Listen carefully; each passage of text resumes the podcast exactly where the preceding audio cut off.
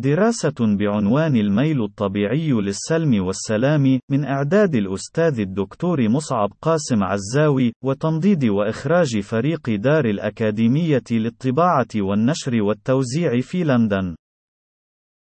الميل للسلم والسلام هو ميل طبيعي بيولوجي لدى الإنسان وكل الكائنات الحية، وهي البنى الحيوية التي ليس من أهدافها العضوية من وجودها البيولوجي الاحتراب فيما بينها لكونه مكلف من الناحية البيولوجية، إذ قد يؤدي ذلك إلى فناء العضوية نفسها في حال انخراطها في حال حرب مستمرة قد تعيقها عن واجبها الأساسي والأول من وجودها البيولوجي. البيولوجي ألا وهو حفظ نوعها ونقل مورثاتها إلى الأجيال اللاحقة.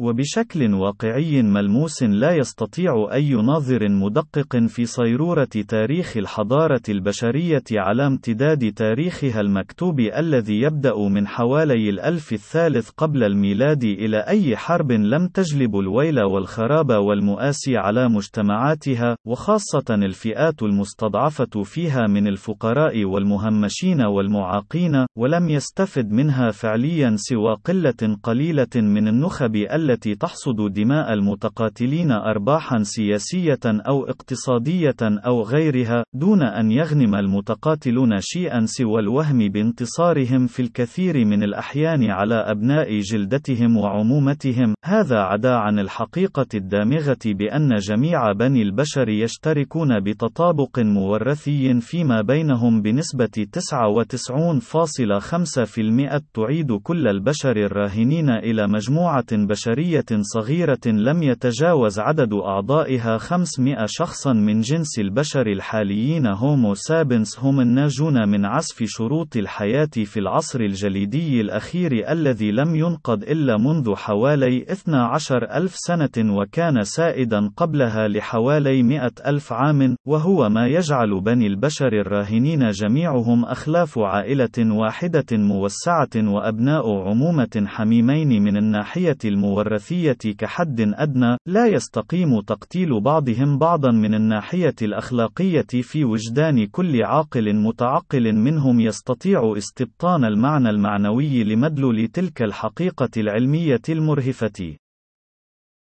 وبشكل أكثر واقعية فإن معظم حروب البشر فيما بينهم تعود لرغبة جامحة لدى النخب المتحكمة بمصائر مجتمعاتها بالحصول على كل الكعكة وأكلها كلها، وعدم ترك نافذة للحلول الوسطى التي هي جزء عضوي من آلية تفكير الدماغ البشري، وضالة أساسية في كل حركات الإنسان ككائن اجتماعي بامتياز يميل بشكل بيولوجي إلى المضاهاة reciprocity والتي تعني عمليا الرد بسلوك إيجابي على السلوك الإيجابي الذي يبديه الطرف الآخر، وهو نموذج التآزر البيولوجي المبتنى عضويا في دارات أدمغة كل بني البشر، والذي لولاه لكانوا انقرضوا واندثروا كجنس حيواني من مملكة الحيوانات، حيث لم يكن سوى تعاونهم وتبادلهم للمساعدة والميل لإيجاد الحلول الوسطى فيما بينهم أداة لحفظ نوعهم من الانقراض، وهم جنس حيواني دون فراء كثة تحميهم جور العصر الجليدي الأخير، أو أنياب ومخالب فتاكة تقيهم شر الضواري الأخرى في البرية.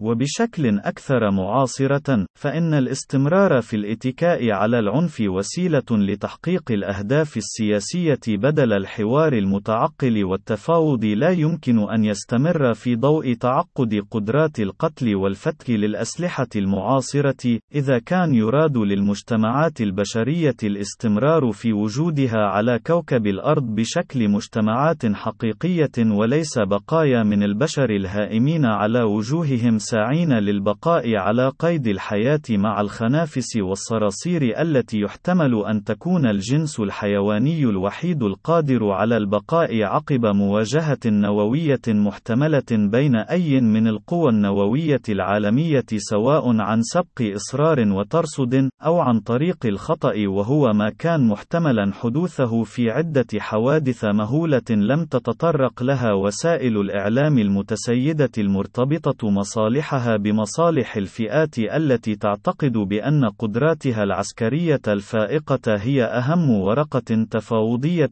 تحملها في وجه أفرقائها، وهي الحوادث المتكررة التي قامت بتوثيقها مجموعة من الباحثين والعلماء المرموقين في مشروع ساعة يوم القيامة، والتي تدعى باللغة الإنجليزية Doomsday Clock، والتي توثق الحوادث المريعة التي كان يحتمل تحولها إلى كوارث أو حروب نووية مفتوحة بالخطأ، وتقدر مدى اقتراب البشرية من تخليق يوم القيامة وحساب البشر الخطائين بأيديهم وأسلحتهم النووية.